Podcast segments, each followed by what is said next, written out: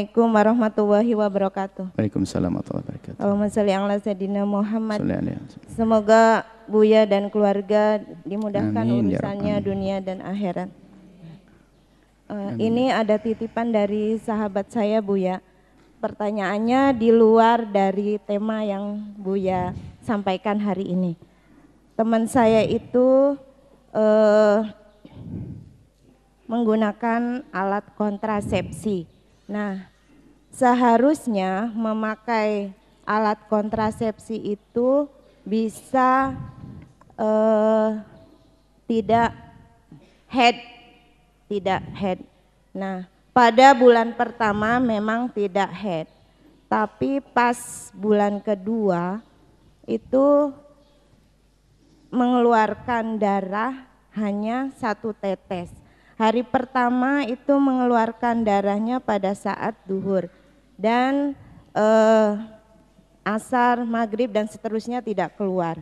Kemudian hari kedua keluar satu tetes pada saat duha. Seterusnya tidak keluar juga. Begitu juga seterusnya hari ketiga dan keempat. Hari kelima sudah tidak keluar. Nah, yang ditanyakan bagaimana hukumnya darah yang keluar satu tetes jika keluarnya pada saat siklus menstruasi dan bagaimana hukumnya darah keluar satu tetes jika keluarnya bukan pada saat siklus menstruasi. Apakah harus tetap sholat? Terima kasih. Assalamualaikum warahmatullahi wabarakatuh. Waalaikumsalam. Yas'alunaka anil ahillah kul dikatakan mawaqitul linnas. Ada namanya uslubul hakim. Ibu bertanya tentang hukum haidnya, tapi saya perlu menjawab tentang kontrasepsinya dulu. Itu lebih penting dijawab. Nah, ini kontrasepsinya dulu. Ini nanti dijawab masalah haidnya. Jadi masalah kontrasepsi jangan sampai kita menjawab haidnya dipikir kontrasepsi pulih semuanya, akhirnya semua seenaknya kontrasepsi. Kontrasepsi, ibu-ibu yang lain mungkin yang belum kontrasepsi ini bukan minuman, bukan kontrasepsi. Kontrasepsi pokoknya bagaimana agar orang tidak hamil gitu loh. Ya. Jadi anti hamil.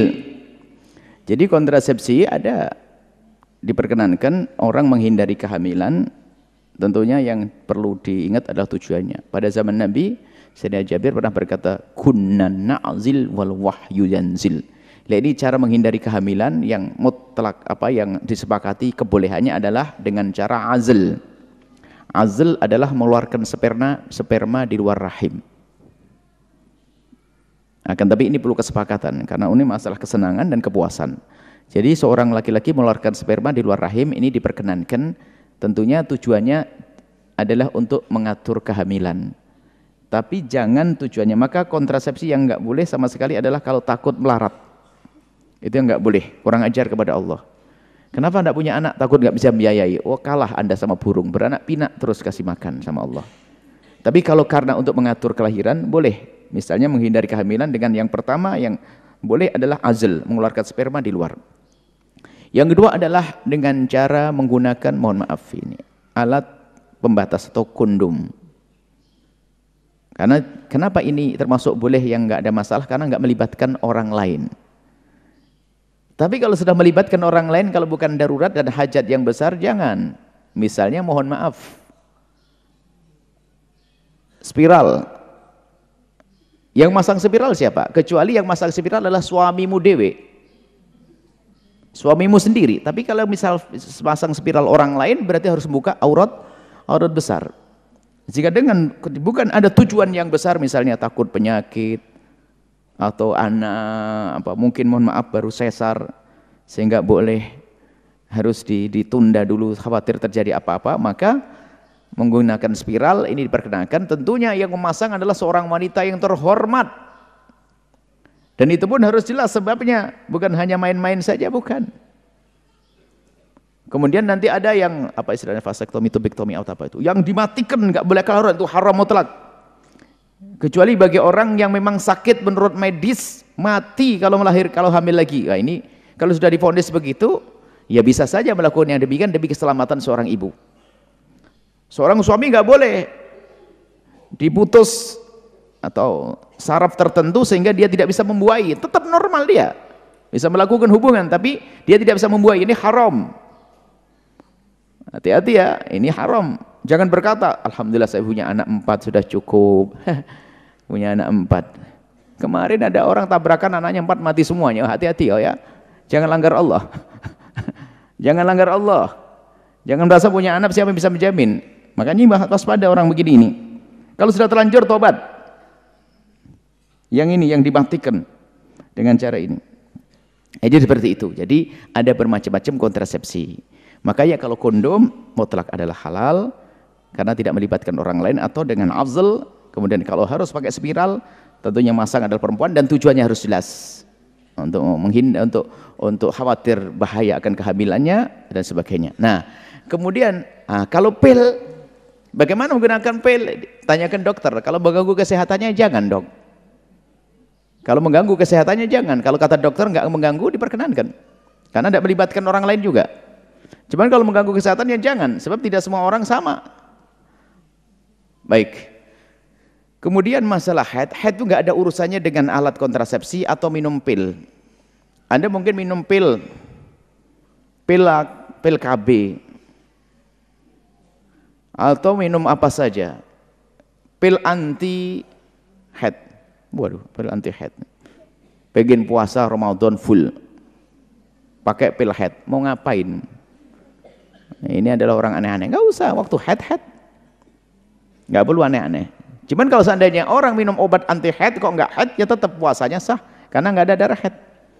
Jadi alat kontrasepsi dan obat enggak akan mempengaruhi rumus head. Jadi head itu ada rumusnya.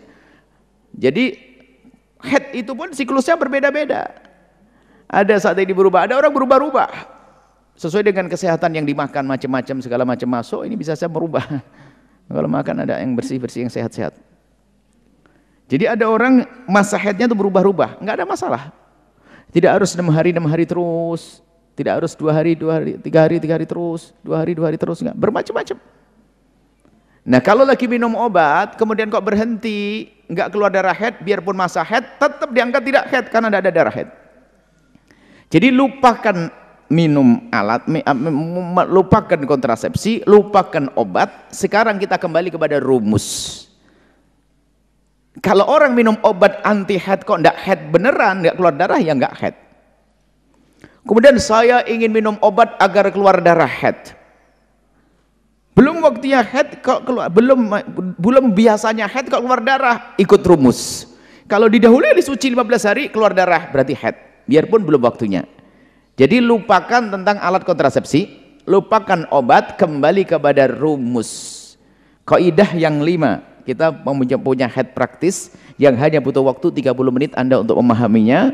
Kembalikan yang pertama, head tidak boleh kurang dari 20 usia head tidak boleh kurang dari 15 hari. Nggak, usia head anak head tidak boleh kurang dari 9 tahun Hijriah. Yang pertama. Kalau ada anak keluar darah sebelum usia 9 tidak akan disebut sebagai darah head. Anak umur 7 tahun keluar darah, dia masih bisa sholat. 8 tahun bisa sholat. Kenapa? Tidak akan dihukumi haid karena ini yang pertama. Yang kedua, darah haid tidak boleh kurang dari 24 jam terbentang dalam 15 hari. Misalnya saat ini waktu anda mau sholat subuh hanya maksudnya setetes bukan netes ya nggak ada darah haid netes-netes begitu ngerembes saja anda colek dengan kapas kok merah ada sesuatu keruh merah atau kemerah-merahan itu darah itu sudah cukup dianggap sebagai darah tapi harus tidak kurang dari 24 jam. Maknanya 24 jam bukan berarti selama 24 jam Anda harus colak-colek di situ, bukan. Akan tapi maksudnya menjelang waktu sholat Anda lihat.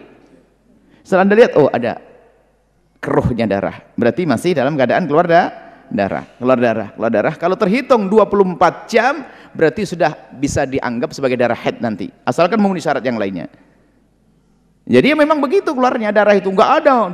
Ada memang orang darahnya ngerembes banyak itu pun tidak selalu kan hanya mungkin di awal-awal bancar banget atau menjelang berhenti kadang-kadang deres banget ada tapi selebihnya adalah hanya rembesan kalau darahnya ngucur mati itu ibu-ibu itu jadi ada rembesan. Jadi waktu sholat dilihat lagi. Dan memang waktu melihatnya waktu sholat. Menjelang sholat duhur dilihat lagi. Kalau sudah bersih nanti bisa mandi kalau mau syaratnya syarat yang ketiga adalah darah tidak boleh lebih dari 15 hari. Kalau lebih dari 15 hari darah bermasalah. Kemudian yang keempat adalah darah harus didahului oleh suci 15 hari. Asalkan didahului suci 15 hari, maka itu darah disebut sebagai darah haid nanti. Dengan syarat yang lainnya. Yang kelima adalah darah tidak boleh didahului oleh kelahiran. Kalau darah didahului oleh kelahiran, bukan darah haid. Namanya darah nifas. Baik itu adalah termasuk rumus yang perlu dihadirkan. Jadi ibu enggak usah enggak usah sibuk urusan siklusnya. Enggak usah sibuk urusan obatnya sesuai dengan rumus atau tidak. Kalau ibu keluar darah hari ini, dek, sebelumnya sudah didahului suci 15 hari, mungkin sekali darah head. Dilihat sampai 24 jam atau tidak. Kemudian tidak boleh lebih dari 15 hari. Ibu tidak setelah melahirkan. Umurnya sudah umur ibu-ibu. Berarti kalau sudah mulai syarat 5 itu namanya darah darah head. Dan untuk gelambirang, jadi menjawab pertanyaan darah head itu sebetulnya harus diberikan pemahaman tentang head. Kalau enggak, enggak nyambung nggak akan nyambung maka tolong nanti cari CD yang mendengar CD tentang fikih head praktis yang kami hadirkan hanya 30 menit anda baca dari awal memahami rumusnya nanti akan bisa menjawab semua pertanyaan baik itu saja insyaallah. Wallahu a'lam bissawab